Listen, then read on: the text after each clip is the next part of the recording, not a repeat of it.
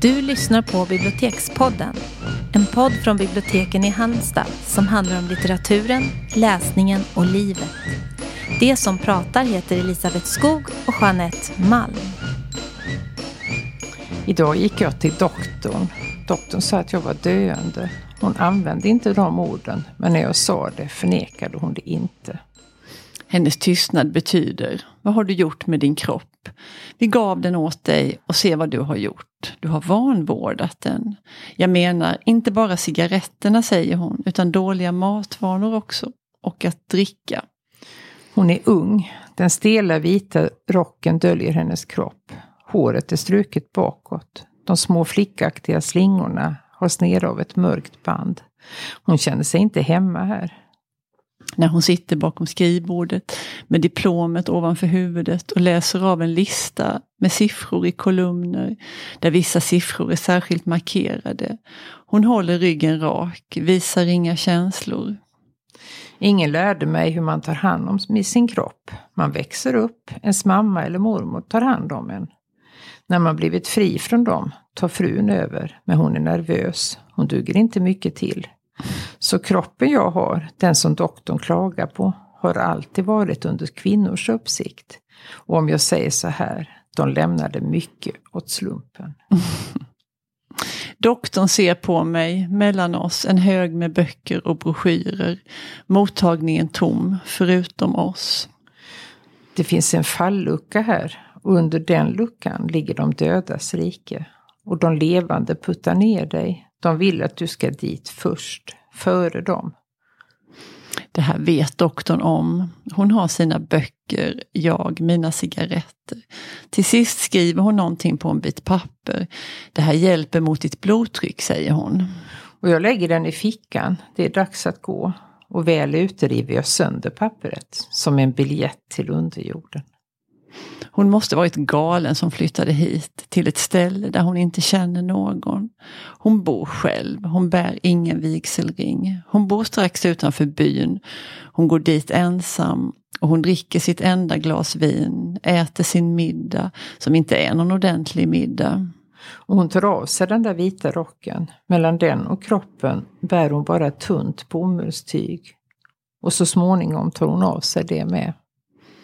För att få födas skriver kroppen ett kontrakt med döden och från den stunden försöker kroppen till varje pris att hitta ett kryphål. Du går och lägger dig ensam, kanske sover du, kanske vaknar du aldrig. Men en lång stund hör du alla ljud tydligt. Det är en natt som liknar alla andra sommarnätter. Det blir aldrig mörkt. Mm. Ja. Detta var en dikt av Louise Glick. Mm. Mm. Och jag måste ju fråga dig då som är den största Glick-läsaren av oss. Eh, vad är grejen med Glick? Grejen med Glick, jag ska säga, vi glömde säga det också, den här dikten heter En bit papper. Just det. För ordningens skull. Och den är hämtad ur hennes, den boken som är senast översatt och den heter Ett byliv. Mm. Ja, nej men grejen med Glick, vad kan det vara? Nej men eh, vi, lä- vi har ju läst henne, både du och jag. Vi har Mm. gjort en sån här liten film där vi har pratat om henne. Och så. Ja. Men jag gillade hennes dikter. Men det var inte förrän jag fick tag i den här Ett byliv som, som på något vis jag blev sådär. Du, men du vet när man Mm. vill läsa högt för någon annan och man bara får ståpäls och vill hålla på med de där dikterna. Det var i somras på stranden i min ensamhet mellan baden som Ja. allt detta hände. För det var ju också i samband med att hon tilldelades Nobelpriset Mm. eh, 2020. Det måste vi ju säga som vi upptäckte såklart. henne. Hon Ja, har ju ja. varit välkänd eh, och översatt Ja. här tidigare. Ja, fast inte välkänd hos mig, det kan jag Nej, verkligen inte Nej, men i USA har hon väl varit Ja, en av de stora. det liksom. Eh, det, det blir en väldig glädje bland eh, den poet eller, eller poesiläsande. Mm. läsekretsen när hon tilldelades priset. Ja. Det var inte kontroversiellt på något Nej, vis. nej, men det kunde nog ingen ha så mycket sådana synpunkter Nej, men du föll som en Ja, men fura. jag föll som en fura. Och, men vi, kan, vi kan prata, göra några nedslag i den här. Jag tycker det är så bra liksom, Mm. att exemplifiera. För då, i den här diktsamlingen då, Ett byliv, så lånar hon liksom sin röst. Man får eller det var någon som sa att, att det är liksom byn som är huvudpersonen, det kan man Mm. säga. Annars är det ganska liksom berättande dikter om olika personer. Hon lånar sin röst åt I olika... vardagliga situationer. I mycket det vardag. Det är en kvarn och det hängs tvätt och det är till och med någon som tvättar vid floden. Mm. Ehm, och det är unga personer, en ung flicka och det är en ung pojke som pallar äpple och det är någon har en kusin som jobbar i en kvarn. Och, ehm, ja, men du hör, det är ganska liksom, det är vardag. Och ganska liksom, explicita scener som i den här, han som går till doktorn så är det liksom broschyrer och, Mm.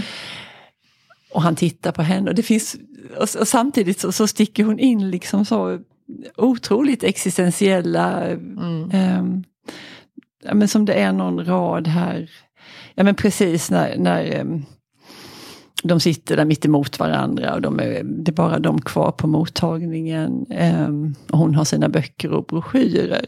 Det finns en fallucka här och under den luckan ligger de dödas rike. Mm. Och de levande puttar ner dig, de vill att du ska dit före dem. Först före dem. Ja, det, det är ju liksom så, alltså jag blir helt i det här, det finns en fallucka här, det tycker jag är så elegant. Mm. Att hon, hon får in, och det handlar ju verkligen om liv och död. Mm. Eh, och det här vardagliga. Och jag gillar det så himla mycket när, när, eh, när det inte är högstämt. Och Ja.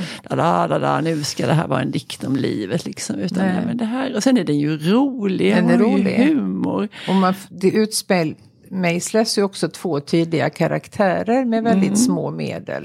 Ja. Man ser ju den här mannen som är liksom, han tar inte så, så tungt på livet. Det är liksom, Nej. det är cigg och det är vin. Och, Ja, Ja. och dålig mat. Dålig och det är mat. inte heller hans fel riktigt. Nej, det är här. det inte. Nej, det är ju massa kvinnor som har tagit Ja. hand om hans kropp.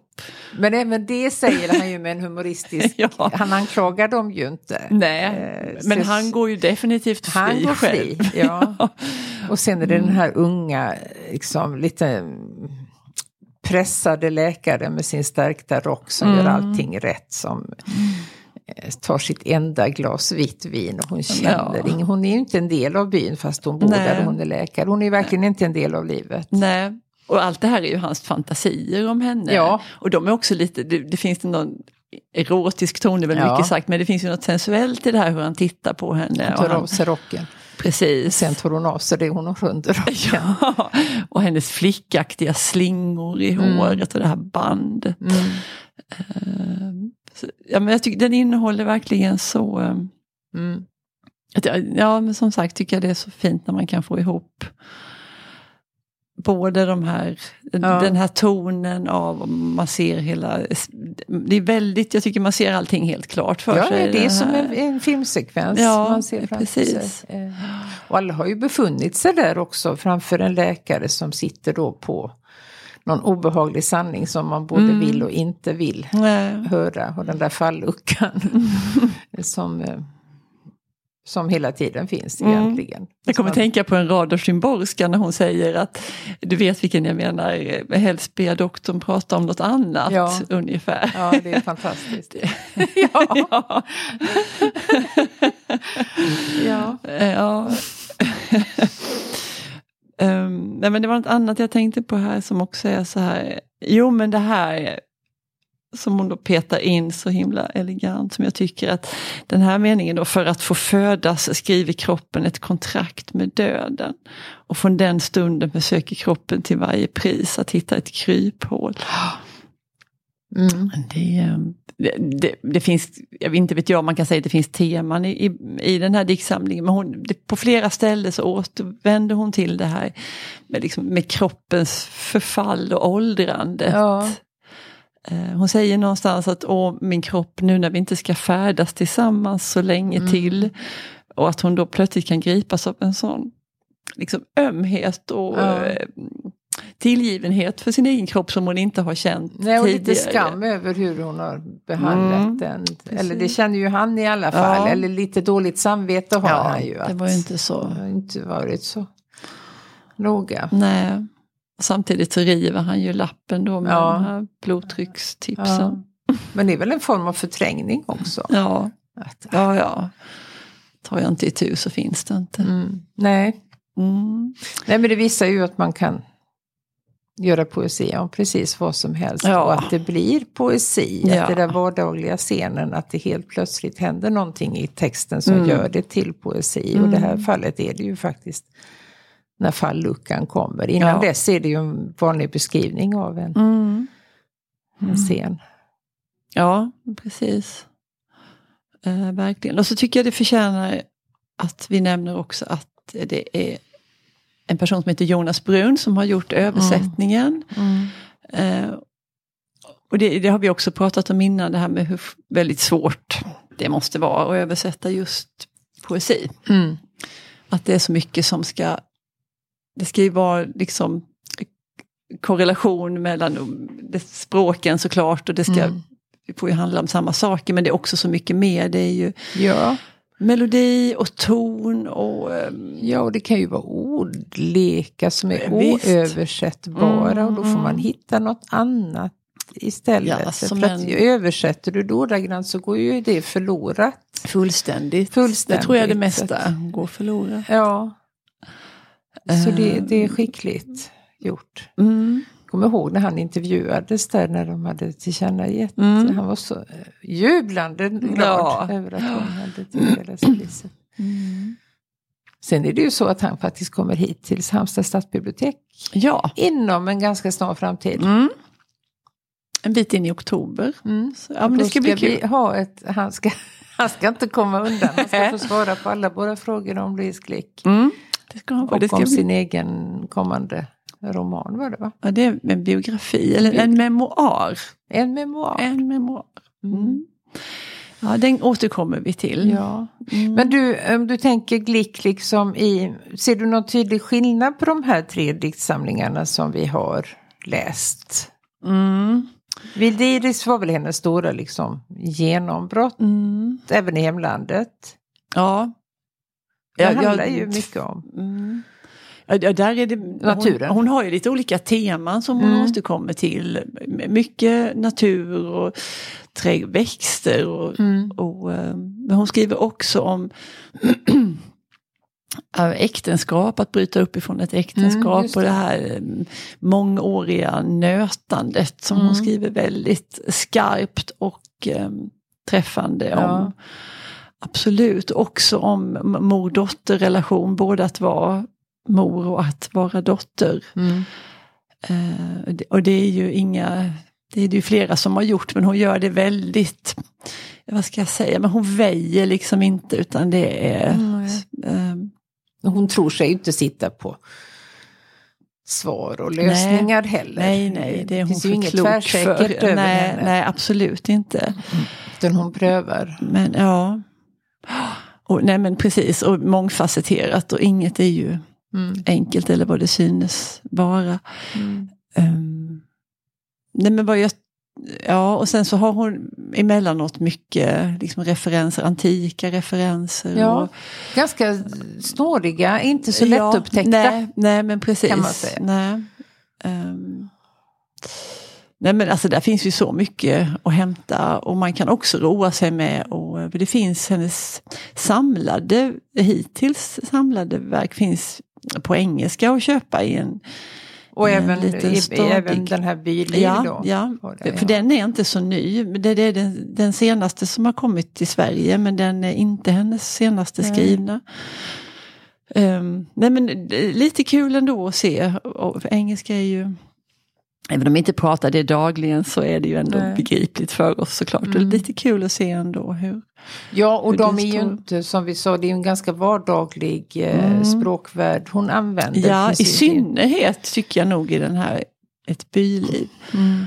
Och jag tror att det var det som, som, ehm, som tilltalade mig, att det var en liten enklare väg in Mm. i dikten. Och sen så, jo, men när vi pratade om Jonas Brun så har han skrivit ett jätte, jättefint, jag tror inte han kallar det för efterord, men det står sist i boken i alla fall, om, Mm. som handlar om den här översättargärningen och lite hur han har tänkt. Och det är så väldigt, ehm, jag tyckte den var som att, att få en liten karta in i den Ja. här byn faktiskt. Ja. Ehm, så det läste jag med stor förtjusning också. Han måste ha träffat henne också då. Ja, det måste vi fråga honom. Ja, det måste vi. Ja. Hon verkar ju vara ganska... Eh, det är ingen liksom insmickrande, Nej. lättillgänglig person. Nej, Det man har sett på Nej intervjuer men man och så. skulle nog vara lite rädd för henne. Ganska stark integritet Ja. och, mycket pondus. Ja, absolut. Men det var något väldigt charmigt som hon sa när de frågade henne. Kommer du ihåg det vad hon skulle göra av pengarna, Nobelprispengarna? Ja, jag kommer ihåg men jag kommer inte ihåg vad det var. Nej, men det, hon skulle köpa en kappa och ett hus. Just det, så var det. Ja. En kappa och ett hus. Ja. Hoppas hon har gjort det. ja, det skulle man också vilja veta. Ja. Mm. Nej men läs Ja, Louise Glick. gör för det. bövelen. Ja, finns på bibblan, alla Finns hennes bibblan. diktsamlingar. Både på engelska och på svenska faktiskt. Har köpt sin. Det är bra. Ja, Tack för det och hej. hej då!